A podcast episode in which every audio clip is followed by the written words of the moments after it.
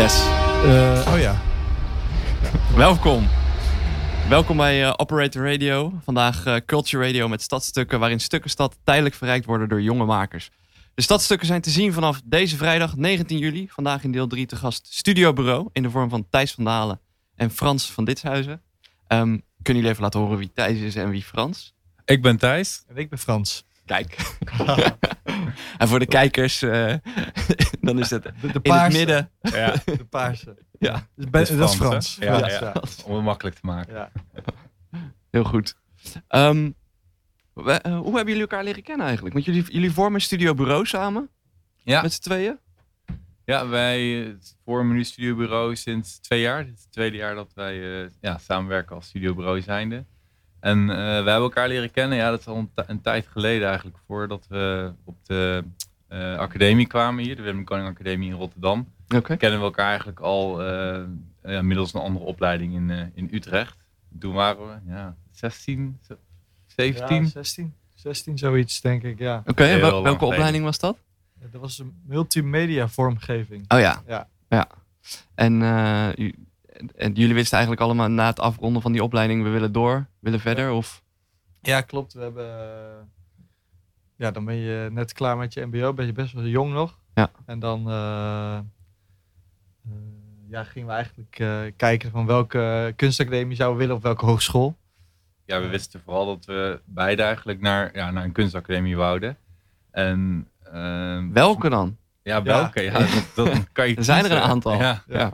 Ja, best wel veel eigenlijk voor zo'n klein land ook. Maar ehm, uiteindelijk wouden we volgens mij beide wel heel graag naar HKU Utrecht. Ja, klopt, ja. En eh, dat was beide niet gelukt. Nee. Mij ook niet. Ik Ah. heb er ook weer niet gedaan. Toelating gedaan. Maar Ja, precies. Wij ook. alleen- goed, ik ken de pijn. Ja, precies, inderdaad. We, we- daar waren we dan niet aangenomen en bij de Willem de Koning wel.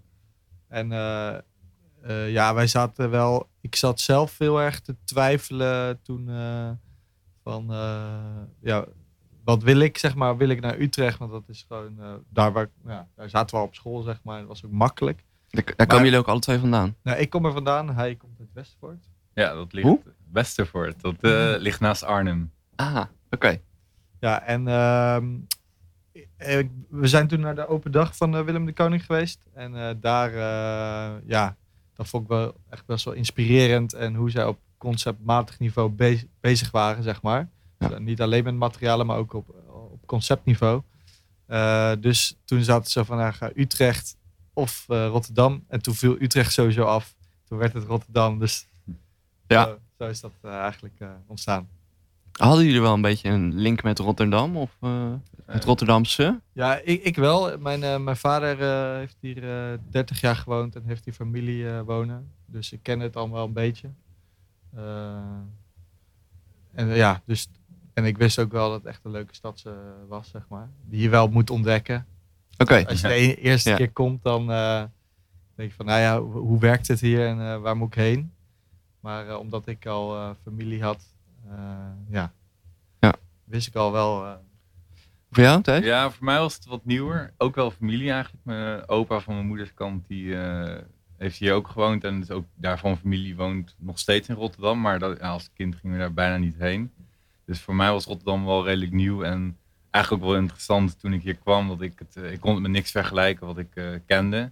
Sowieso vind ik het ja, een van de, misschien wel de, de stad in Nederland als je het over grote steden hebt. Dus dat, ik werd er gewoon heel nieuwsgierig van eigenlijk toen Ja. ik voor het eerst kwam. Ja. En, en zijn jullie toen in jullie academietijd hier gaan wonen? Ook? Of Eh, ik wel, ja. Ik Ja, ben ik- toen. ik eh, niet. ja, ik ben in jij bent in Utrecht blijven Ja, wonen? Ja, ja. En nu inmiddels? eh? Ik, ik ook nog steeds Utrecht en nog ik ook nog steeds Rotterdam. Rotterdam. Ja. Ah, oké. Ja, ja. Grappig. Ja. Wat, is, eh, wat, wat, wat is het grote verschil tussen Utrecht en Rotterdam voor jou? Ja, of wat, er wat is, zijn heel veel verschillen. Dat is, echt, is, is het eh, een gemakskwestie? Of eh, is het... eh, nee, ja, ik vind Utrecht ook super leuk. Ik vind het, wat, ja, wat ik sowieso leuk vind is, nou, dat, dat heeft het voordeel ook wel van Utrecht, zeg maar, dat het gewoon heel centraal ligt en dat ik juist makkelijk naar andere delen van eh, Nederland ga en Rotterdam en Amsterdam en eh, Eindhoven kan je makkelijk heen. En dat, ja, eh, dat vind ik heel leuk aan Utrecht en ik vind het eigenlijk juist leuk om niet op, in één stad alleen maar te werken en te wonen, maar juist eh, ja, verschillende, ja, gewoon die hele randstad. eh, Gewoon, ja. Mix, zeg maar, vind Ja. ik best wel, best wel leuk. En eh en je bent, treinreizen vind ik niet zo heel erg. Als die rijdt. ja, Ja, ja, ja dat, dat is wel een goeie. Dat is wel... Ja, we zitten wel in de buurt met onze studio, dat scheelt. Ja. Een soort van aan de overkant Ja, hier. Dus dat, eh, Echt? Ja, Ah, wat goed. In, eh bij... eh, ja, Delftse inderdaad, eh, in dat gebouw. Ah, oké. Is dat het oude postgebouw of is dat waar Roodkapje zit? Eh, waar Roodkapje zit, Ja. daar Ah, ja. schuin boven. Ja, ja. Hoe lang kunnen jullie daar nog zitten? ja, dat verschilt elke keer. We zijn een beetje gestopt met al die verhalen volgen, want het zijn Ja. elke keer weer nieuwe scenario's. Dus Ja. ja. ja, we zitten er nu goed en eh, we zijn een beetje aan het kijken naar een andere ruimte, maar dat is meer omdat we een grotere werkruimte willen. En zolang we er zitten, eh, ja, kunnen blijven zitten, zitten we er prima. Ja. Ja, en dan is het met de trein inderdaad. eh, Zeker, Je rolt de trein uit en in. Ja, ja, zeker. En dan moet hij wel rijden, inderdaad. Ja. Ja. Op zich eh, vind ik het prima. Ehm, nog even terug naar ehm, eh, toen jullie eh, eh, hier binnenkwamen in de stad voor de academie. Ja. Ja. Eh, welke richting hebben jullie eh, daar gekozen of, of deden jullie toelating voor? we Eh, hebben grafisch allebei gedaan. Grafische vormgeving. Ja. Ja. En eh, nou, dat zie je ook best wel terug in ons huidige werk nog steeds. Maar is, eh, ja, dat is eh, best wel eh, breed geworden in, ons, eh, in onze ogen. We, we zijn niet eh diehard alleen maar logos aan het ontwerpen. Ja. Maar ook eh, ruimtelijke dingen of eh, kunstinstallaties. Ja, ik heb eh, al een beetje gespiekt natuurlijk op jullie website. Ja. En ehm, eh, nou, daar komen we denk ik zo nog wel op, want ik heb een aantal vragen. ja, Oké. ja, ja. ja. Dus het grafische vormgeven en dan eh, eh, zit daar een stage bij? Ja, ja, ja. Ik, heb, eh, ik heb stage gelopen bij Undog. Ferry van Zijderveld. eh dat is een grafisch ontwerper die ooit Hotel had. Oké. Die heeft heel veel voor Topnotch gedaan vroeger. Ah ja, En doet nu eh, twee takt in Utrecht. Daarvan ken ik het ook, qua dat werk. En ja, die... daar heb je veel. Ja. ja. Ja. En, en voor jou? Eh, ik heb twee stages gelopen. Eh, eentje in Rotterdam en eentje in Antwerpen. Oké. En in eh, Rotterdam was dat bij Studio Vollars Zwart. Dat is Martje Vollars en Pascal Zwart. Mhm. En dat is een, ja, een kunstenaarsduo. En hun werk ehm, ja, is ook, ja, het is eigenlijk multidisciplinair, maar het is ook heel, heel grafisch. Het communiceert altijd wel iets. En dat werkte heel snel mijn interesse bij het zoeken van een stage. En mijn eh, tweede stage was in Antwerpen bij een eh, echt een grafisch ontwerpbureau. Meer een eh, ja, traditioneel grafisch ontwerpbureau. Die ook heel erg bezig waren met boeken maken en dat soort dingen. En dat, eh, dat wou ik ook wel eens ondervinden gewoon in de praktijk. Dus dat heb ik eh, het tweede, tweede deel gedaan. Dit is Ja. twee keer drie maanden. Ja. Ja. En hoe kwamen jullie bij de gedachte dat, dat grafisch werk meer moet zijn dan eh, de, het poster of het drukwerk? Eh, nou ja, dat is ook eigenlijk eh, ontstaan eigenlijk door gewoon de fasc- onze fascinatie te volgen. Ja. En eh, we hebben altijd wel een fascinatie gehad voor eh, ja, werk dat eh, ja, toch wel zeg je het, zich verhoudt tot, ja, tot stedelijke ontwikkeling eigenlijk. Of bij een afstudeerproject ging bijvoorbeeld Mhm. over een, een bouwput in Utrecht. En zijn afstudeerwerk ging over reclame in de openbare ruimte. Ah ja. Dus de, ja, en ik denk ook wel dat eh het grafisch ontwerp wat wij interessant aan vinden, dat het nu nog steeds heel breed interpreteerbaar is. En dat het eh, voor ons eigenlijk ook heel goed in fysieke vorm eh, kan zijn. En dat die, die communicatie of het communiceren, wat heel erg grafisch ontwerp voor ons is, dat komt eigenlijk wel terug in al onze projecten. Alleen dat is minder ja, dominant aanwezig in, in alles wat we doen. Soms maken we wel gewoon postercampagnes en dat vinden we ook heel tof om te doen. Mhm. Maar eh, het, het zou ook bij wijze van spreken een object kunnen worden, zeg maar, de, de vorm. Ja. Ja, want jullie, op jullie website hè, schrijven jullie sinds 2016 werken wij aan ontwerpen die culturele instituten, bedrijven of individuen transformeren en interactie tot stand brengen met het publiek. Hoe Ja. werkt, dat, hoe werkt Ja. dat dan? Dat, dat is eh, eh, in sommige eh, projecten zit dat meer natuurlijk. En we zijn best wel een brede, brede studio. En ehm, we, wat voor ons eigenlijk denk ik altijd heel belangrijk is, en soms, soms kan het wel of soms kan het niet. In de postercampagne is dat natuurlijk anders. Maar bijvoorbeeld zo'n eh, zo'n werk voor stadstukken probeer je echt wel een relatie aan te gaan met, eh, met, eh, met, met de context van het werk en de omgeving. Ja. Eh, en dan ontstaat er al direct een soort interactie tussen, die, eh, tussen, die tussen het werk en de omgeving. Ja, maar het is niet zo dat als ik aankom bij jullie met een opdracht van maak een poster, En dan komt twee weken later terug dat het, eh, dat het ineens een fiets is geworden. Nee, maar, Maar? we- ik denk dat we, wij proberen altijd heel goed te luisteren naar de vraag van een opdrachtgever of een, een, een, open call of een, een vraag in het algemeen.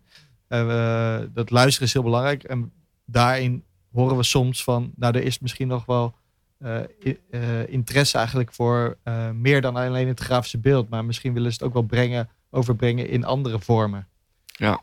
Dus eh, Ja, ja, ik denk wel dat er inderdaad ook een, eh, een andere, andere vorm uit zou kunnen komen. We werken grotendeels in, in opdracht, dus voor, voor hele verschillende opdrachtgevers. En we vinden het ook heel interessant om binnen zo'n opdracht te kijken eigenlijk naar, naar de context. En wat zou er ermee kunnen en wat wordt er gevraagd en wat kan je er eigenlijk nog meer mee, zeg maar. Dat, eh, ja. Los van stadstukken, zou je, kun, je, kun je een voorbeeld geven? Eh, nou, een ander voorbeeld van een, eh, project waar misschien ook die interactie op een bepaalde manier in zit. En het grafisch ontwerp en het fysieke is een, een ontwerp die we hebben gemaakt voor een, volgens mij was dat vorig jaar of twee jaar geleden, voor een, een eh, kunstexpositie op een eh, fort in uh, Maarseveen. Eh, Ja. Vijandschap heette dat. En dat, daarbij waren eh, ja, een aantal kunstenaars uitgenodigd een werk te maken in relatie tot, tot het fort eh, in Maarseveen. En wij waren daarbij betrokken eh, meer als ontwerper, niet zozeer als kunstenaar. En daarbij werd ons gevraagd een visuele identiteit eh, te maken voor, eh, voor vijandschap. En dat, eh, dat hebben we gedaan, maar we hebben ook heel erg nagedacht over ja, de context van, van zo'n plek. En Ja. eh, het idee hoe een bezoeker naar de kunst kan kijken en zich eh, ja, informatie daarover kan Wa- Want wat is dat dan voor plek? Ja, dat is een, eh, langs de waterlinie een, een oud fort. Eigenlijk wat nog overeind staat en wat volgens mij meestal vrij te bezoeken is. En het ligt een, op een, eh, ja, in een soort van eh, recreatiegebied bij de Maarseveense dacht Ja, ik. eh, ja. Oké. Dus Ja. er komen altijd heel veel mensen langs. En wij vonden daar bijvoorbeeld heel interessant om te bedenken van... hoe kan je mensen nou betrekken bij, bij zo'n plek? En toen hebben we een, eh, een routing bedacht eh, met vlaggen, met witte vlaggen. Omdat we dachten dat het idee van een witte vlag, het, overgeven in, in hè, oorlogstermen... dat vonden we wel... eh, nou, vonden we wel sterk op zo'n plek. Dat je gewoon aan afstand staat te kijken. En dat je denkt, god, wat doen al die mensen daar met die witte vlag op dat fort? Wat, wat gebeurt daar? En eh, nou, uiteindelijk als je daar na- naartoe ging als bezoeker, dan, dan zag je dat die vlag, eigenlijk dat, dat de routing was. Daarop stond de plattegrond met de kunstwerken en informatie over de kunstwerken. En zo kon je eigenlijk met een vlag in je hand die expositie eh, ontdekken. En natuurlijk, ja, dat is mooi ook dat je dan inderdaad die witte vlag, want dat is ook toenaderbaarheid. Hè? Op het moment dan weet je dat de wapens stil liggen, dus dan Ja. kan die, die bezoeker die daar voorbij loopt, ja, die weet niks- dat die veilig is. die weet, ja, ja. die weet niet Het, dat het idee was ook een beetje dat je je overgeeft aan de kunst daar. zeg Ja. maar. Het soort van, eh, dat je je volledig eh, toegeeft aan de kunst die daar te zien is. Zeg maar. Mooi. Grappig ook dat het een voorbeeld is van, van, van routing. Hè? Dus mensen de, de, de, de weg geven. Want jullie hebben ook de routing, de bewegwijziging van mijn werkgever gedaan. Jullie eh Ja, voormalig... eh, De Willem de Koning. Willem de Koning Academie. Ja, ja. Ehm, hoe, hoe ga je dan te werk? Is het dan, is het dan echt veel meer een grafische opdracht? Of, of is dat dan ook weer hetzelfde proces? Ehm, nou, dat, ja, het is wel heel erg een sterke grafische opdracht, omdat een wayfinding natuurlijk heel erg moet communiceren en heel erg praktisch inzetbaar moet zijn en echt eh, tegen een bezoeker in een gebouw moet zeggen, hey, wil je daarheen, dan moet je zo en zo eh, lopen. Klopt Maar het wat- overigens dat het een van de moeilijkste dingen is om te doen?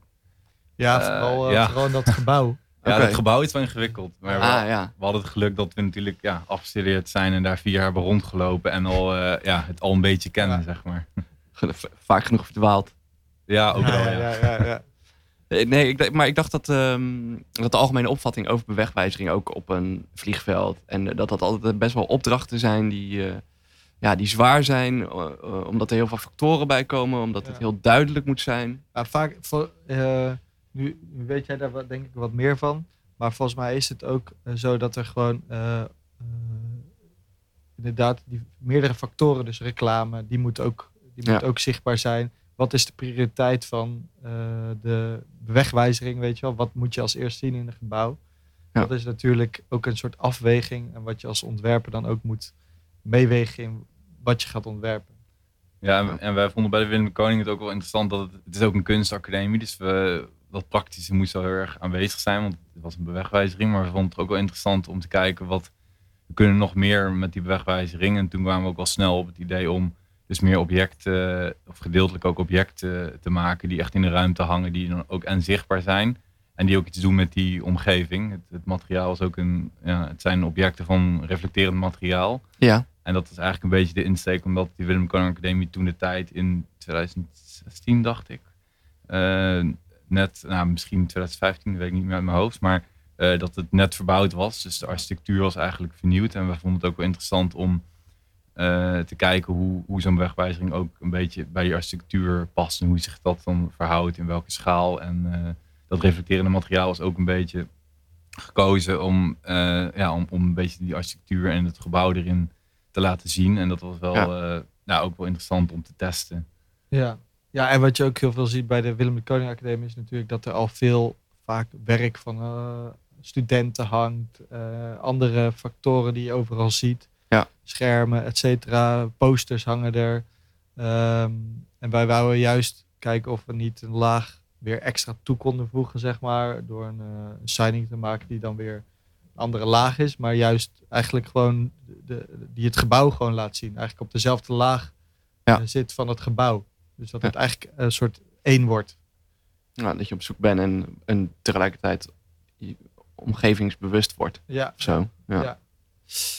Ehm, waren, er nog, waren er nog eisen of, of voorwaarden aan, aan, aan die opdracht waar jullie tegenaan liepen? Ja, de- dat is wel grappig, want het is een van Ja. onze eerste opdrachten samen, die eh, Ja. eh, de wegwijzering. Dus het was ook wel, eh, we waren niet zo heel lang geleden afgestudeerd. Het was ook wel een, eh, ja, ja, was ook gewoon een uitdaging, zeg maar. Ja, Ja. ja. Eh, ook, ook ja, in allerlei facetten wel een uitdaging qua. Dus je hebt natuurlijk gewoon een deadline. Nou, dat is op zich was dat nog wel eh, te overzien, zeg maar. En bepaald, eh, ja, bepaalde factoren van budget en dat soort dingen. Maar de uitdaging zat denk ik vooral in dat wij eh, toen de tijd wel als projectbasis samenwerkten. Dus we wisten wel wat, enigszins wat we aan elkaar hadden. Maar we waren nog niet zozeer studiobureau toen. Dat is daarna eigenlijk gekomen. Maar de uitdaging was vooral dat ik toen op vakantie was en ik in Sri Lanka zat. En Frans ja, gewoon ja, hier was. Ja, ja, klopt, ja.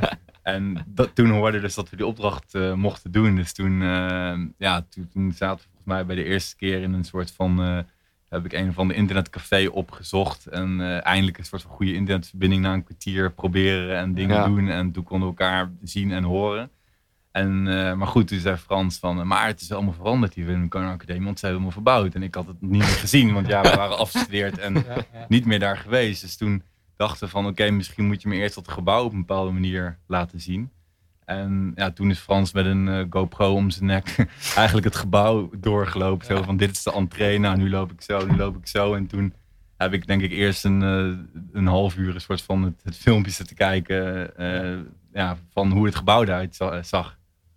Ja, grappig. En ook, ja, precies. Ja. En dat was natuurlijk verbouwd, dus eh, dat, was, eh, dat was al één ding die we even zelf moesten begrijpen. Wat willen ze nou precies met die verbouwing? Eh, en ook wat ook wel een uitdaging was voor die opdracht, is denk ik dat we, of wa- wat je in het algemeen moet leren als ontwerper, denk ik, wat je niet direct altijd leert op de academie, nu wel meer denk ik, maar is dat je het ook moet overbrengen naar de opdrachtgever dat dit een goed idee is. Ja. Want een be- bewegwijzering eh, uit spiegels, dan denk je van ja, kan je die bewegwijzering dan nog zien? Ja. Maar daar hebben we wel echt over nagedacht. Op welke plekken hangen we het en waar eh, kan je het dan nog zien? Hebben we prototypes van gemaakt? En moet het zwart, moet het wit zijn, moet het iets anders zijn? Hoe, hoe spiegelend moet het zijn? Dus daar zijn we echt wel, hebben we ook gezorgd dat we die opdrachtgever gewoon konden overtuigen. Ja. Dus dat is ook Ja. wel een eh, uitdaging. Zeg maar. Ja, ja dat, kan, me- dat kan me voorstellen. Ehm, en is niet overal hè, toegepast. Hangt ook nog deels hogeschool. Ja, klopt. Eh, ik- het, het is ook best wel een oud project al voor ons Ja. dan, zeg maar. Dus eh, het was toen eigenlijk het idee dat het één jaar zou hangen. En dat Ah. er dan een nieuwe, een gehele nieuwe bewegwijzering zou komen. Oké, Eh, en we denken dat er wel die er al dat die eraan zit te komen, maar wanneer? Ja. Ja, Ja. ja oké. Ehm, dit is eh, eigenlijk een beetje een, een, voorbeeld van, een gesloten ruimte. Niet zozeer een, een publieke ruimte. eh, misschien zoals het fort dat, het fort dat is. ja. Mhm, ja. Ehm, zijn er dan eh, in de publieke ruimte zaken waar je rekening mee moet houden? Op het moment dat je daar gaat werken. Eh, ja, we, we hebben, we hebben nu, even kijken. Sowieso twee echt eh, werken in de publieke ruimte gerealiseerd. Dat is één, dat was een eh, project in de bouwput. Dat is dan nog in principe afgeschermd, maar ook deels eh, publiek. Ja. En een ander project op de, bij de Erasmus Universiteit. Dus daar hebben we al wel wat inderdaad ervaring op gedaan van wat, wat moet je doen als je iets in de publieke ruimte zet. Bijvoorbeeld windkrachten, et cetera. Ja. En dat je ook met andere mensen die helemaal niks eigenlijk met jouw ontwerp hebben, dat je daar ook zaken mee moet doen, zeg maar. Ja, hoe- In Hoe bedoel je van de dan? de Ja. gemeente eh, bijvoorbeeld. Of ehm, het project in de bouwput hadden we, dat heet Schaalkabal. Dat was een, ehm, eh, een, een, een, eenmalig eh, kunstevenement eigenlijk. wa- eh, Ja. de- waar we de bouwput vol hadden gehangen met eh, eh, ja, allerlei spiegelende elementen waar dus licht op scheen. Ja. En die Ja. lichten waren weer zo sterk dat we een verg- vergunning moesten aanvragen eh, voor het vliegverkeer. Dat dat niet gehinderd moest worden. Dus Ja. en die vlieg, Ja. ja. ja, die vliegt, eh, die luchtvaartpartij, die heeft natuurlijk helemaal niks met dat kunstwerk. Die denkt alleen, wat is dit? Eh, waarom moet dit? Ja. zeg maar. Dus dan moet je weer dat. moet Ik je probeer je Ja. mensen veilig eh, ergens Ja. heen te brengen. Ja, Ja, precies. het Ja. waren... eh, Is dat een dure vergunning? Nou, nee, kosteloos uiteindelijk. Het was Ja. eh, vooral een vergunning die veel tijd kostte qua afstemmen. En we moesten uitleggen Ja. wat we gingen doen. En het waren Ja. dus eh, zes sculpturen aan hijskranen. En die hingen ongeveer drie tot vijf meter boven de grond. Maar die Ja, lampen, meer. ja, misschien nog wel hoger Twi- natuurlijk. 20 meter. Ja, Ja, Zo. ja, ja. en die, ja, die lampen die konden tot twee kilometer omhoog schijnen. En dat was omdat dus eh, nou, Schiphol niet heel veel verder is dan Utrecht gegaan. Die vliegtuigen al natuurlijk dalen en Ja. kon het conflicten opleveren. En eh, kreeg ik dus een soort ja, een telefoonnummer uiteindelijk van iemand van de luchtverkeersleiding of via dat ze op de hoogte waren. En als diegene belde, zeg maar, dat het, eh, dat het toch gevaar is door die situatie, dan, ja, dan moeten ze het ook gelijk cancelen. Dus dat was ook wel echt een, een heel raar telefoonnummer in één keer. En in één keer wordt je telefoon dan ook wel een soort van dat je denkt, oké, als ik maar niet gebeld word, dan kunnen we Dan- gewoon door. ja. Eh, ja. Ja. Dat je telefoon gaat en ineens eh, Roger Papa Wilco. Ja. Ja, ik was daar wel benieuwd wie dat, wie dat dan zou zijn. Maar, Ja. eh, Ehm, dan eh, eigenlijk naar het, eh, eh, het onderwerp waarvoor jullie hier zitten, voornamelijk. Eh, stadstukken, Ja. Ja. waar jullie nu aan meedoen. Ehm, waar gaat stadstukken over volgens jullie? Eh, ja, volgens ons gaat het eigenlijk over eh, stukken stad. eh, en dan, die eigenlijk nog niet echt eh, zijn, die wel ontdekt zijn en die bekend zijn bij iedereen, maar waar iedereen misschien zomaar langs loopt of nog niet de kwaliteit van kan inzien Ja. o- of ziet. Ja. Eh, eh, wat, daar, wat, wat voor een bijzondere plek dat eh, bijvoorbeeld is. En eh, iedereen snapt natuurlijk dat het centrum, daar gaat iedereen heen. En dat is al duizend keer eh, belicht. Maar die andere plekken zijn allemaal plekken die nog niet eh, zo, zo, zo belicht zijn eigenlijk. Ja, Ja. ja. ik denk ook wel dat het, dat kwamen we ook achter toen wij eh, ter voorbereiding gingen fietsen en plek, naar de plekken gingen. Dat je ook, ook al woon je in Rotterdam een, een, Ja. een paar jaar, dat je nog steeds kan denken van, oh, dit, dit is ook Rotterdam. En ja, dat Ja. zijn een beetje die, die plekken, denk ik. Ja, grappig. Ik heb dat ook nog steeds hoor. eh, Ja. na, na, na, na de tijd dat ik hier woon. Maar eh, ook hoe lang gerekt, hè? Want Rotterdam loopt natuurlijk helemaal langs de Maas. Ja. Je hebt echt hele stukken die tot de gemeente Rotterdam horen. Niet zozeer de stad. Maar, Ja. Ehm, Ja, wij zijn ook eh, tijdens onze eh, fietstochten, zeg maar, eh, zijn we ook echt wel richting haven gegaan. Ja. Want daar heb je echt ook ontzettend toffe, toffe locaties. Maar je moet ook een beetje afwegen van wanneer zijn het nog locaties die ook nog toegankelijk zijn voor ja, gewoon wandelaars, zeg maar, die er langslopen, die door het werk kunnen worden gepakt eigenlijk. En daar dan opeens stil blijven staan en denken, oké, dit is toch wel een bijzondere plek dat hier Ja. iets staat. ja, want jullie, eh, jullie werk is te zien eh, bij de Ash. Ja. Ja. Dat is ook best een uithoek, Ja. vind ik. hoe zijn jullie hier terechtgekomen? Waarom hebben jullie gekozen voor deze plek? Eh, nou, we vonden ja, in het begin het sowieso interessant. We hadden vanuit Stadstuk een aantal eh, ja, locaties gekregen eigenlijk. En toen vonden we het zelf ook wel interessant om eh, te kijken wat echt een beetje die randen van de stad zijn. En, en om, dat, eh, om dat op te zoeken. En ehm, uiteindelijk zijn we bij de Ash gekomen. Dat is eigenlijk meer vanuit het, eh, ja, we hadden verschillende ideeën. Wat Ja. we, dus we wouden laten zien bij stadstukken, wat voor installatie of wat voor thematiek. En uiteindelijk kwamen we er vrij snel achter dat wij, eh, vanwege het idee dat we hadden, dat we iets bij, bij het water wouden, bij de, lang, langs het water. En toen waren er eigenlijk allerlei verschillende opties waar dat eventueel zou kunnen. Mhm. En uiteindelijk hebben we ook wel gekeken eh, bij de Ash dat we dachten dat je... En je hebt het water op die plek. Het is bij de plantagelaan. Dus je, je hebt en het water en je hebt een vrij ja, grasveld eigenlijk. En naar ons weten is daar ook nog niet zozeer iets eerder gebeurd. Dus we vonden het ook wel interessant om, om het dan daar te doen. En je hebt vanuit die plek heel mooi zicht eigenlijk op, op Rotterdam, op de, op de verschillende bruggen, op de Ja. skyline. Ja. Ja, dat je kijkt met je, als je met je neus richting Zuid staat. eh, dan heb je aan je rechter, eh, rechterhand heb je inderdaad eh, de Willemsbrug en, Ja. en de bijhorende skyline. Ja. Ja. Ehm, zou, je deed net al een beetje, maar zou je nog wat meer de, de omgeving van de Ash kunnen omschrijven? Eh, ja, ja, Het is een grappig, het is een, beetje een apart gebied. eh, Ja. wel, want eh, ja, er zit heel veel historie. Echt eh, bizar veel historie, zeg maar. Je kan heel ver teruggaan. Eh, maar ook eh, bijvoorbeeld de, de functie die het vroeger had eh, voor, voor het eh, waterleidingbedrijf. Ja. Ja, ja, de watertoren staat Ja, er nog steeds overeind. Dat is denk ik wel ook vanaf een afstand een, een zichtbaar ding. En ook wel kenmerkend voor de Ash. En ook als je er rondloopt, de, de oude waterbassins die zijn er weliswaar dan dichtgegroeid. En hebben een soort van deels nieuwe functie. Maar je ziet best veel geschiedenis eigenlijk gewoon in, in de Ash, zeg maar. Maar, maar tegelijkertijd zie je dus ook best wel gewoon een aantal hele hoge torens langs Ja. het water Ja. staan.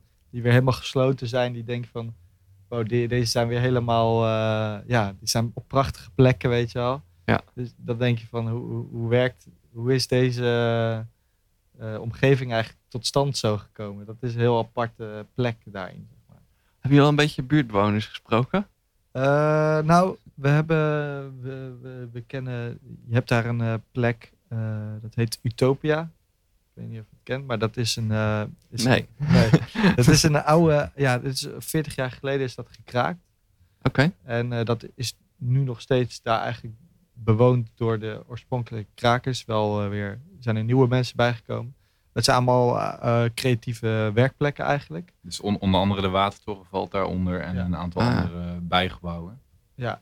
Eh, dus die hebben we eh, gesproken. En ehm, ehm, ja, ik weet niet of we dat. We, hebben ook, eh, we zijn ook op zoek gegaan naar ehm, eh, eh, ja, eigenlijk plannen die er in de toekomst zijn. Nou, ze Mhm. gaan daar bijvoorbeeld het winkelcentrum verbouwen. Ah ja. ja. En we hebben de ontwikkelaar daarvan ook ja, opgezocht eigenlijk. En eh, daarmee in gesprek gegaan van wat hij dan, zeg maar, ja, wat hem brengt tot die plek, zeg maar. ja, en wat hij wat hij misschien wil gaan doen met die plek. Ja, klopt, ja. En eh, ja, dat was Ja. wel, dat is ontwikkelaar eh, Blue House. Is Ja. dat. Eh, en dan heb je, zij zitten samen nog met eh, Bakkers en Homme en Bakkers Investment zitten ze daar, eh, hebben, ze dat, eh, hebben ze dat stuk gekocht. Oké. Ehm, en ja, zij zien heel erg de, de potentie eigenlijk van dat gebied. Ja. Ja. Eh, het zijn natuurlijk eh zakenlui, dus die, Ja. die de- kijken ook naar van wat, wat, wat is een gebied in Rotterdam waar potentie zit. Nou, zij zien dat heel erg daar. Ehm, en ehm, Ja, misschien vanuit de openloop vanuit, vanuit Kralingen of zo. Want ja, dit, Ja, nu is het echt een ontzettend niet zeggend winkelcentrum. Nee, zoals zoveel in Nederland. Ja, en Ja. het is best wel eh, inderdaad ook een soort, ja, niet zozeer afgesloten. Er gaat wel letterlijk een tram naartoe, maar het is toch Ja. wel een apart stukje, zeg maar. En volgens mij is ook wel het idee vanuit zo'n ontwikkelaar naar de toekomst toe, om dat, om dat stuk, de Ash, dus eigenlijk meer bij de rest van Rotterdam te betrekken. En ook wel om te kijken, het is natuurlijk wel een goede locatie als je, je bent ook weer zo op de snelweg en je bent Ja. ook zo Rotterdam uit als je dat zou willen. Maar je bent ook redelijk snel Rotterdam in vanaf die plek. Dus ik heb ook wel het idee dat ze, ja, dat ze ook wel kijken om, om naar, naar de Ash als zijnde, om dat nog meer ja, verbinding te laten krijgen eigenlijk met, eh, met de rest van eh, Rotterdam. Ja, een beetje een suburb. ja, ja, ja, ja, ja, Wat dan suburb. Ja, misschien een hek eromheen. ja precies. Gated Maar het is, community. het is een goed toevoer. Het is een goed toevoer. Ja? Ja, het is best wel groen hè ook. Ja, dat is ja. gewoon wel... eh, ja, het is, ik vind het ook wel grappig dat het is... voor ons was het ook, of nog steeds misschien een beetje een moeilijk definieerbaar stukje Rotterdam. Maar dat is tegelijkertijd ook wel weer typisch dat je natuurlijk een beetje geschiedenis ziet op een plek. Je ziet een soort van hele snelle nieuwbouw en je Ja. ziet nog steeds ontwikkelplannen. Het is heel erg in beweging en dat is ook wel weer ja, typerend voor Rotterdam, denk ik. Eh, Ja. ja. Ja, dat, Dat lijkt me ook. eh, Ja. Zeker. Ehm, even kijken hoor, wat ik, wat ik nog aan, aan, aan vragen heb. Ehm, ja, hoe zien jullie dit project in vergelijking hè, tot deelname aan Route du Nord, bijvoorbeeld? Eh, nou, eh, op zich vinden wij, wij hebben wel allebei, eh, bij beide projecten hadden we zoiets van dat we ook echt de ultim- ul- ultieme vrijheid hadden eigenlijk voor om Ja. iets. eh, en dat is gewoon een hele andere soort dynamiek Ja. die je hebt dan als je bijvoorbeeld eh, een eh, eigen initiatief via een open call ergens onderbrengt. Ja, of ja. in opdracht Ja. werkt is dan sowieso anders. Eh, dus voor ons lijken ze ook wel op elkaar, maar het zijn to- totaal verschillende ja, contexten eigenlijk. Krijg je ook dan wel meer mee vanuit de ene organisatie en de andere organisatie? Of, Eh, nou, bij stadstukken krijgen we ook best wel veel mee vanuit de organisatie. Als zijn dat ze het ook heel erg wel samen willen doen. En ook met de, de andere geselecteerde kunstenaars die we ja, dan spreken eens zoveel tijd. Ze zijn best wel op de hoogte van wat iedereen doet. En eh, is best wel direct contact met de organisatie. Ja. En dat is ook eigenlijk wel heel leuk en, en interessant qua werkwijze. En bij Route Noord bijvoorbeeld, toen waren we gevraagd door eh, curator eh, Yvonne de Jong. Mhm. En dat was dan ons, ja, ons contactpersoon. En, eh, maar de situatie qua wat inderdaad gelijkenis is wat Frans zegt bij beide, dat we echt wel volledige vrijheid krijgen. En dat vinden we heel interessant. En bij uh, Route Noord is het dan ja, semi-openbaar. Het is openbaar, maar het is dan weer binnen, zeg maar. En eh, dat is wel een hele andere situatie dan eh, bij stadstukken, waar we dus een werk maken in de buitenruimte, die dus eh, ja, twee maanden ook blijft staan en Ja. dag en nacht toegankelijk is eigenlijk. te zien vanaf deze vrijdag, 19 juli, Ja, Ja, klopt. ja, de opening. de opening. opening en dan twee, eh, twee maanden lang geloof ik. Ja, tot 22 september. Ja. Ja. Ehm, hebben jullie daar nog, rekening moeten houden met, eh, met bepaalde eisen voor jullie werk, eh, dat het ook echt twee maanden kan blijven staan? Ja, ja, Ja. worden, ehm, we zijn eigenlijk eh, bezig om, eh, of ja, ze zijn eh, bijna zo goed als af. Ze zijn, we hebben eigenlijk drie soort bouwborden gemaakt. Ja. Ehm, eh, wat dus ook heel erg, eh, wat dus wat heel fijn is qua eh, voorwaarden, want die zijn natuurlijk al wind, ja, die moeten windkracht 10 eh, overleven. Ah ja, Nu is het Ja. wel zo dat daar echt een plek is waar veel wind kan staan. Ja. Eh, dus ja, ik ga ervan uit dat gewoon blijft staan. Eh, en eh, ja, je moet, je moet, eh, je moet natuurlijk eh, eh, vergunningen aanvragen eh, voor het werk, om, om het werk te plaatsen. Eh, dus dat is, eh, dat is ook even uitzoeken. En eh, ja, moet ook wel eh, net geluk hebben met de, degene van de gemeente die het beoordeelt, zeg maar. Of ze er vertrouwen in hebben of niet. En bij, ons ging het allemaal eh, vrij eh, soepel. En eh. Konden we, Ja. hadden ze wel eh, geloof in dat we dat eh, gewoon goed konden neerzetten, zeg maar. want jullie moeten dat dan wel zelf presenteren of, of gaat het ook dan via stadstukken? Eh, verschilt in samenwerking eigenlijk. Ja, ja. Veel. Ligt soms, soms is het makkelijker, zijn de lijntjes korter als we het zelf even toelichten. Ja. En zelf even die, eh, dat contact opzoeken. Eh, dan kunnen we dat ook beter vertellen. Snappen zij beter wat er uiteindelijk komt.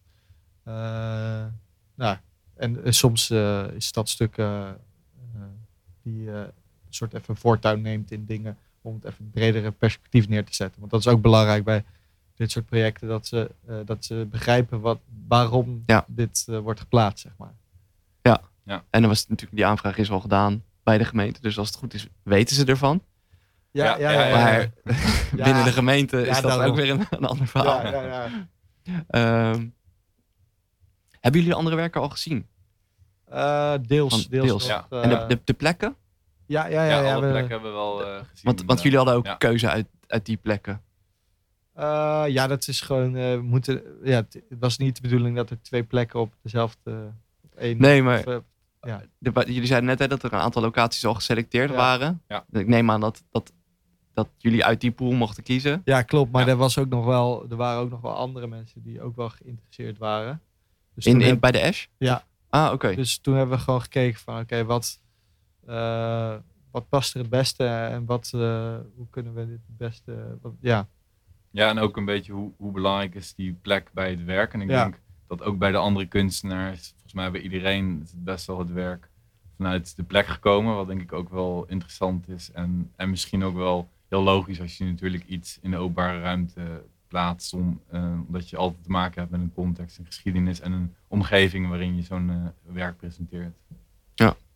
Is er ruimte voor dit type werk in Rotterdam? Eh, ja, ja, volgens mij wel. Ik denk sowieso is Rotterdam, dacht ik, de stad met de meeste beelden in de openbare ruimte eh, Ja. van Nederland. Dus in die zin hebben ze ook al wat ruimte ingenomen. Maar ik denk wel eh, dat er eh, ja, in Rotterdam ruimte voor dit soort dingen letterlijk is, zeg maar. En nou, politiek gezien is dat misschien ook weer allemaal anders. Maar ik, ik denk wel dat het in ons geval, wij wouden ook wel echt een wat groter gebaar eh, maken met het werk wat wij hier bij eh, Stadstukken maken. Het eh, project heet Maanvloed trouwens. Dat zijn dus die, die drie bouwborden. Ja. En, Ja. Ook, en we hadden ook wel zoiets van ja, dat het grote gebaar of dat, dat de grote schaal, dat vinden wij ook echt wel Rotterdams eigenlijk. Ja, en wat ook wel grappig is, dat merkten we bijvoorbeeld met, toen we in gesprek waren met de ontwikkelaar eh, Bluehouse, die Ja. daar dat winkelcentrum gaat ontwikkelen, is dat, eh, dat hij ook zei van, eh, ja, per stad, per gemeente verschilt het toch gewoon eh, hoe, hoe, hoe er gereageerd wordt op, op, je, op, je, op je werk wat je daar doet. Hij deed ook eh, projecten in Zoetermeer en Utrecht. Hm. Hij zei van, ja, dat is toch gewoon anders dan Ja. in Rotterdam. En, eh, ja. ja, ik denk dat hier een soort van Rotterdammers zijn wat gewend, denk ik, qua kunst en dingen. Dat, ja, hij, dat is hij wel zei ook gewoon, het is hier gewoon eh, veel directer. En eh, in andere steden kunnen ze er nog wel eens omheen draaien. Nou, daar was ik wel benieuwd naar, omdat ehm, eh, ja, we hebben heel veel kunst in de openbare ruimte hier in Rotterdam.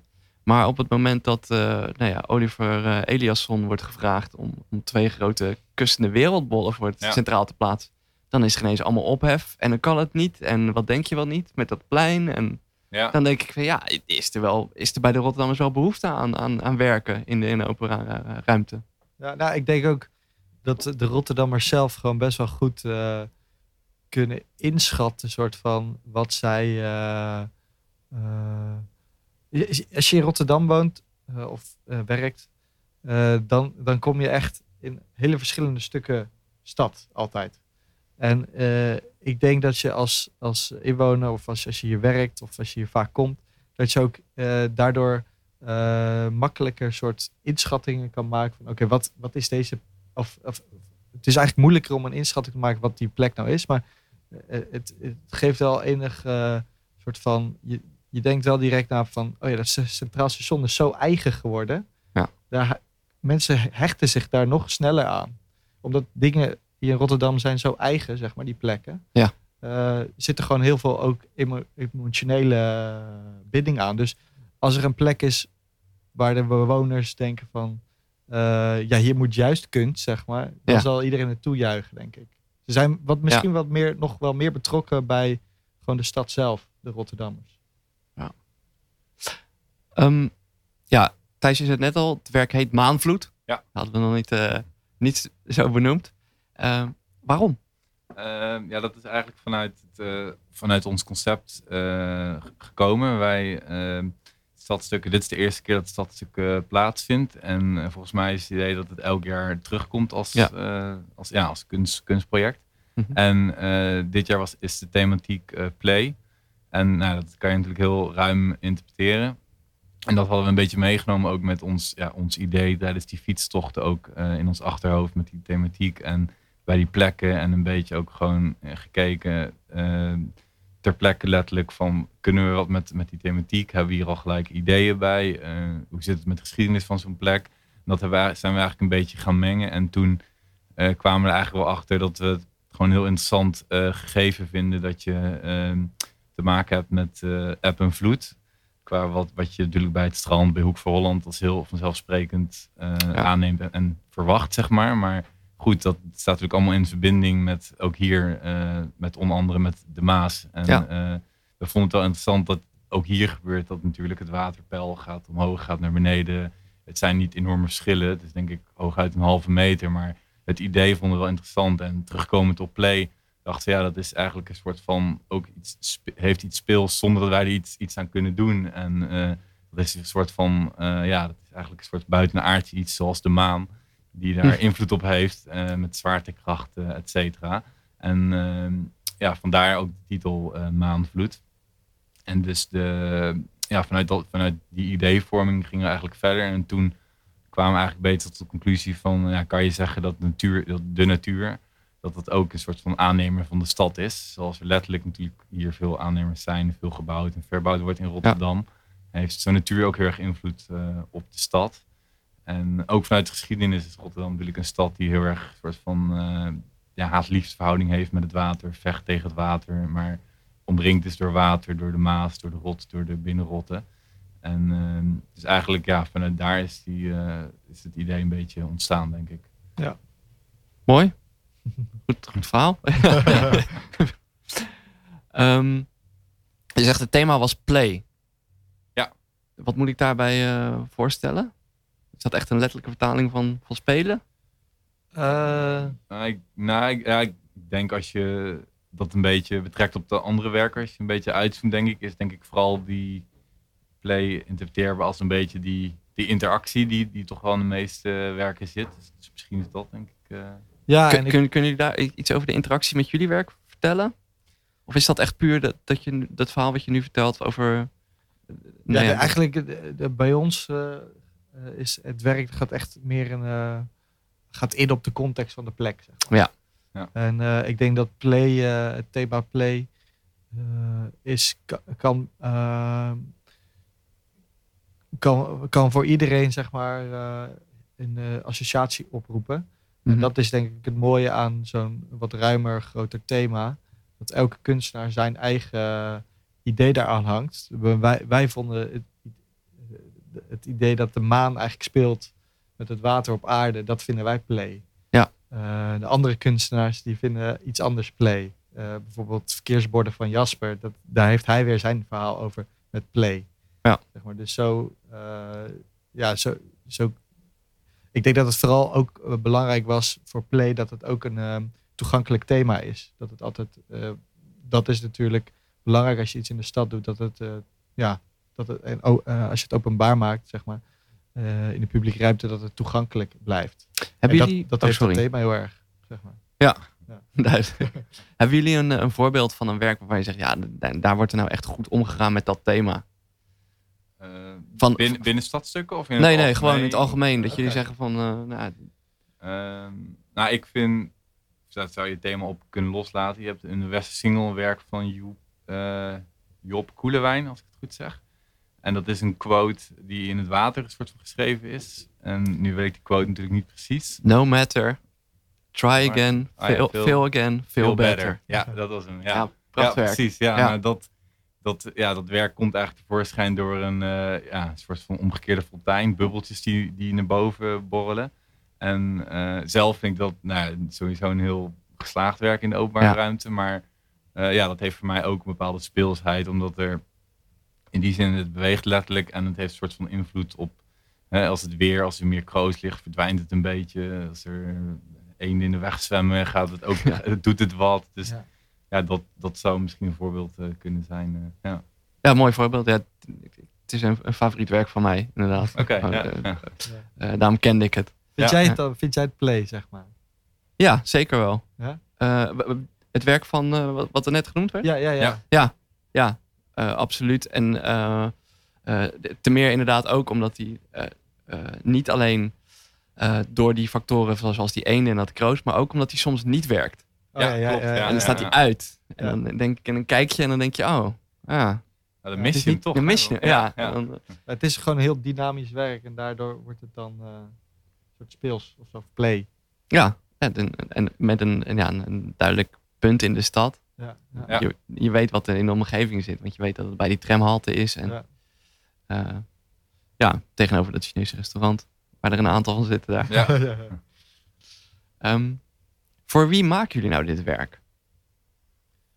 Eh, ja, dat is eigenlijk iedereen, iedereen die Ja. het wil zien, maar dat is natuurlijk. Ja, Ja, dat, mag je, eh, dat, was, dat was niet echt mijn vraag. Nee, nee, dat snap ik. Eh, maar, want het, ja, het mag voor iedereen zijn, maar Ja. eh, Is, er een wel, is er een bepaald type persoon die, die jullie in gedachten hebben hiervoor?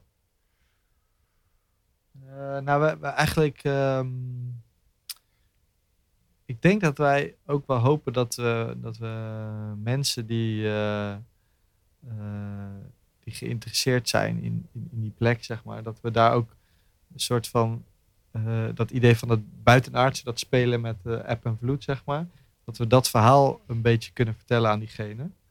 Ja. Ehm, dus. eh, ehm, ja, ik denk dat, dat Ja, dat kunnen dus om, omwonenden zijn, maar Ja. ja. dat verhaal kan ook verteld worden aan, aan iemand die, ja, die er aan voorbij loopt en die nieuwsgierig wordt. En, eh, en hopelijk valt het redelijk op. Het, het grootste bord is bijvoorbeeld vi- bijna 4,5 meter doorsnee, ja. rondbord. En de kleine is 2,5, dacht ik, 2,5 meter. Dus het zijn op zijn open veld hopelijk wel werken die opvallen. Dus we hopen eigenlijk ook wel op die manier dat het, eh, ja, dat het ook aandacht eh, trekt. En, eh, maar ik denk dat het lastig is aan de ene kant om in openbare ruimte ook bij dit werk een specifieke doelgroep Ja. Te, ja, te noemen, zeg maar.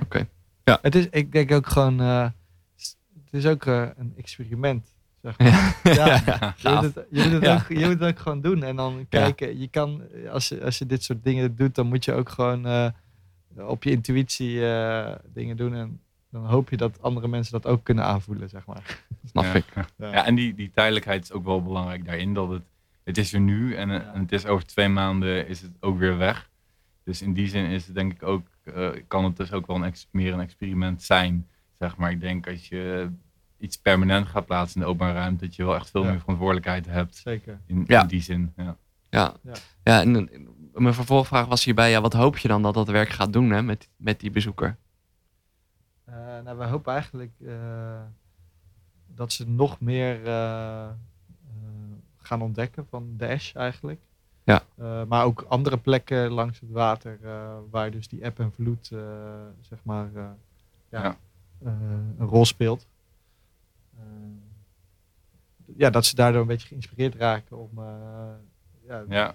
ja, en misschien wel dat, dat ze wel eens denken, na, na twee maanden, eind september, dat ze toch wel eens denken van eh, het is weer weg. En dat ze dan toch denken, goh ja, die app en vloed, die eh, ja, op de fiets, oh dat zie Ja. ik ook daar gebeuren. Oh, dat Ja. zie ik ook daar gebeuren. Ja, Dat, ja. dat zou wel leuk zijn natuurlijk. Ja. ja, ja, dat het een ja, referentiekader wordt aan, uh, aan Vloed. ja, ja, ja. Zou het voor jullie nog een vervolg krijgen? Is dit, nog een, is dit iets wat jullie, waar jullie mee bezig blijven? Of is dit gewoon, dit is nu even het gegeven eh, Eh, van de opdracht en volgende keer weer verder? Nou, Ja. ik denk die, die thematiek, zeg maar, Ja. ja. vanuit dat water, dat is iets wat we eh, ja, zelf eigenlijk als context hier aan gekoppeld hebben, ook vanuit de plek. En dat is denk ik sowieso iets wat, eh, waar we niet per se nu concreet idee over hebben, maar ik kan me voorstellen dat het iets is wat terugkomt als een thematiek in andere werken die we, die we maken. En deze borden ja, zijn specifiek wel voor deze plek gemaakt uiteindelijk. Ja. Maar ehm, ja, je, ja, je zou ook kunnen zeggen, er zijn meerdere steden die misschien met eb en vloed te maken hebben. Dus op zo'n manier zou je dat verhaal ergens anders ook een beetje kunnen vertellen. ja. Ah ja, Ja, het, is, het, is, het speelt zich af bij de Ash. Het heeft heel veel historie met water. Ja. Maar Ja. Nederland zit vol met dit soort plekken natuurlijk, op andere plekken. Dus ja en ook in Rotterdam. Ik, ik moet gelijk denken aan die, eh, eh, die nummers. Die, eh, die grote borden met die nummers die de hoogte aangeven van de stand van het water Oh, tot ja, de ja. brug. Tot de bovenkant van de Ah, brug. ja, ja, ja. Bij de Erasmusbrug en de Willemsbrug. Ik vind Ja. dat altijd fascinerend. Want dan, dan kijk ik naar die brug en dan zie ik 12,1 en dan denk ik, oh ja, 12,1. Alsof ik ooit tot het water ben. Alsof ik er ooit rekening mee moet houden. Ja, Maar toch gaat het, gaat het leven of zo. Ja, ja, ja. Ja, het is grappig, want het zegt wel iets. En tegelijkertijd heb je dus geen idee, want ik zou ook niet weten wat een normaal waterpeil is. Wat Ja. Dus Ja. je hebt ook niet die referentie, maar ja. Ja. Ehm, water is reflecterend. Ik heb jullie al een aantal andere keren over refle- reflectie gehoord. Is- Is dat wel een terugkerend thema? Ja, dat is wel... Ja, dat, ja dat, qua materiaal is dat wel ik iets denk ook dat eh, we, ja, ons, ons, ons werk, we, ja, wa- wat we al eerder zei, zeg maar, gaat altijd wel echt over, we proberen altijd een soort van eh, in te gaan op de context van de plek en eh, wat, door wat, eh, we laten ons altijd inspireren door de plek en de context daarvan. Eh, en dat willen we altijd gebruiken. En dan Ja. kom je heel vaak eh, bij dat gegeven van het spiegelen, dat- dat, dat je letterlijk de, de, de ruimte eromheen weer gebruikt in je eigen werk, zeg maar. En zij dus ook wel blij met het nieuwe depotgebouw. Ja, ja, zeker. ik het wel cool, ja. Ja, ja, ja, ja, ja. Ja. Ja, ik hoorde er wel een, eh, iemand over eh, die zei... ehm, ehm, als je zo'n dergelijk spiegelend gebouw maakt, moet je wel rekening houden met de omgeving. Ja, nou, volgens mij is het, Frans vertelde het een keer zelfs van mij, ook in Londen ook het geval dat er een Ja, hele grote facade ook eh, van een gebouw Ja. reflecterend, spiegelend is. hij is niet eh, spiegelend. Ik weet even niet meer hoe, die, hoe dat gebouw heet. Maar als je de Londense skyline staat, dan staat er een heel groot nieuw gebouw. Die staat zeg maar, dat is zo'n gebouw. Eh, dus dat is boven is die eh, groter dan beneden. Omgekeerde piramide. Eh, ja, het is een soort. Ja, ik Of niet. zandloper. Griekse ei meer een beetje, toch? Ah, Ja, een soort Griekse ei. Ja. En die, die spiegelen, eh, of, eh, die, die ramen, die eh, zijn dus, eh, dat is eigenlijk een soort lichtgebogen, gaat dat. En er zijn dus straten in, eh, in Londen, Ja. waar je een ei kan bakken op, eh, op een auto. Want daar kom, komen Krijg je dus- die geconcentreerde lichtstraal, Ja, die komt precies. daar Ja. binnen. en En, er zijn al eh, auto's weggesmolten, of tenminste niet weggesmolten, maar delen van auto's zijn ingesmolten, zeg maar. Oeh. Eh, dus ik, ja, ik ga ervan uit dat ze bij het depotgebouw er ook naar hebben gekeken. ja, ze hebben in Londen ineens een death ray. En Ja, een ja. Brexit en een death ray. Ja, maar dat is natuurlijk bij het depotgebouw is de, de bolling eh, de andere kant op, zeg maar. Dit- de, daar, daar is daar de gaat bol. het omhoog. Ja, daar is het bol. Dus dan zijn de spiegel of de, de lichtstralen die worden gebroken, zeg maar. En als je hol hebt, dan, dan, dan komt het juist op één punt terecht, zeg maar. Ja. Dus ik denk dat het wel goed komt. Maar dat zijn wel dingen waar je mee eh, ja, rekening moet houden. Nou ja, en wat ik ook eigenlijk meer bedoel met de omgeving is wat staat er omheen? Hè, Ja. Wat, wat, wat, wat zie je nou in die spiegel? Ja, Is, is, dat het moeite, is dat de moeite waard? Ja, nou, ik, in, on- in ons geval is ook wel het idee bij het Maanvloedproject om eh, de dag van opening is ook volle maan. En om dus te, ja, om dus te proberen om dus Ja. letterlijk de echte maan eigenlijk ook te vangen in, in onze, een van de kunstmatige manen eigenlijk. Ja. Ja. En we hebben een beetje gekeken en dat is natuurlijk deels uit te zoeken. En er zijn allerlei apps met stand van de maan, volle maan, Ja. dat, soort dingen. En dan heb je nog te maken met bewolking en allerlei factoren. Ja. Maar ja, we zijn wel, daar hebben we ook een beetje uitgezocht, zeg maar, of die momenten er vaker zijn van volle maan. Of we dus ook zouden kunnen zeggen van eh, wat je dan dus ziet in dit geval in die reflectie, is dus ook de daadwerkelijke maan. Misschien wel een paar keer in die twee maanden tijdens het eh, project. En, Ja. ja. eh, terugkomend zeg maar, op het Boymans depot. Ja. eh, is inderdaad denk ik ook... eh, eh, ja, de omgeving daar is best wel eh, ook weer zo'n aparte plek. Dus Ah, ja. eh, ik denk dat het juist cool is dat je dat, dat weer, weer spiegelt eh, ziet, zeg maar, met het nieuwe instituut, maar ook eh, het oude Boymans. En, eh, Ah ja, dus Ja, en, en dat plein. kan er heel goed Ja. natuurlijk het, eh, het ziekenhuis zien. Ja. Ja, ik vind dat een mooie koppeling wel. Wat zijn de toekomstplannen slash dromen voor eh, Studio Bureau? What's next? Want ja, na twee maanden is dit weg. Ja. Ehm, ja, dat is altijd een goede vraag. Hè? ja, we zijn, we zijn, eh, ja, dus, eh, we zijn ongeveer vijf jaar afgestudeerd. Sinds twee jaar fulltime, of nou, ja, anderhalf jaar echt fulltime kunnen, kunnen we hiervan eh, rondkomen, zeg maar. En eh, ja, we, we zijn eigenlijk elke keer stapjes maken we van, eh, van interventie naar interventie. Ja. Eigenlijk. En eh, ehm, we, hebben wat, we hebben wel wat, wat projecten lopen, maar nog niet, geen daadwerkelijke nieuwe bevestigingen wat we echt... eh, Oké, dan dat was het plannengedeelte en dan de, de dromen. ja, ja, ja. ja, ja. Ja, we, hopen, we hopen denk ik wel nog vaker. Nou, ik denk in die, in die open ruimte toch Ja. wel gewoon meer te realiseren. En wat we nu doen heeft vaak een tijdelijke aard. Ik denk dat ik het ook heel interessant vind om eens een keer na te denken over een, eh, een, ja, een permanent werk op een permanente plek. Ja. In Rotterdam bijvoorbeeld. ja. ja, en eh, ehm, we hopen toch ook nog wel een keer. We hebben een keer eh, dat, project in eh, Utrecht gedaan in de bouwput. Nou, hier Ah, ja. wordt ook ontzettend veel gebouwd. Ja. Ja. We zijn er eh, een beetje mee bezig om eh, met bouwers in contact te komen. Om te kijken hoe kunnen we eh, zoiets ook hier in Rotterdam doen. Maar dat is, dat is niet makkelijk om dat soort dingen, pro- projecten van de grond te... Je moet altijd op het juiste moment Ja, er moet, zeg maar. ja, en er moet tijd zijn Ja, en, en ruimte en, willen. Ja, en geld. ja, ja. ja. Oké. Thijs en Frans, hartelijk bedankt voor jullie uitleg over jullie project Maanvloed bij Stadstukken. Te zien vanaf vrijdag 19 juli. Ehm, meld je aan eh, voor de fietstocht eh, op de Facebookpagina. Ja. En hopelijk tot de Ja. volgende keer. Heel graag. Ja, Succes! Dankjewel.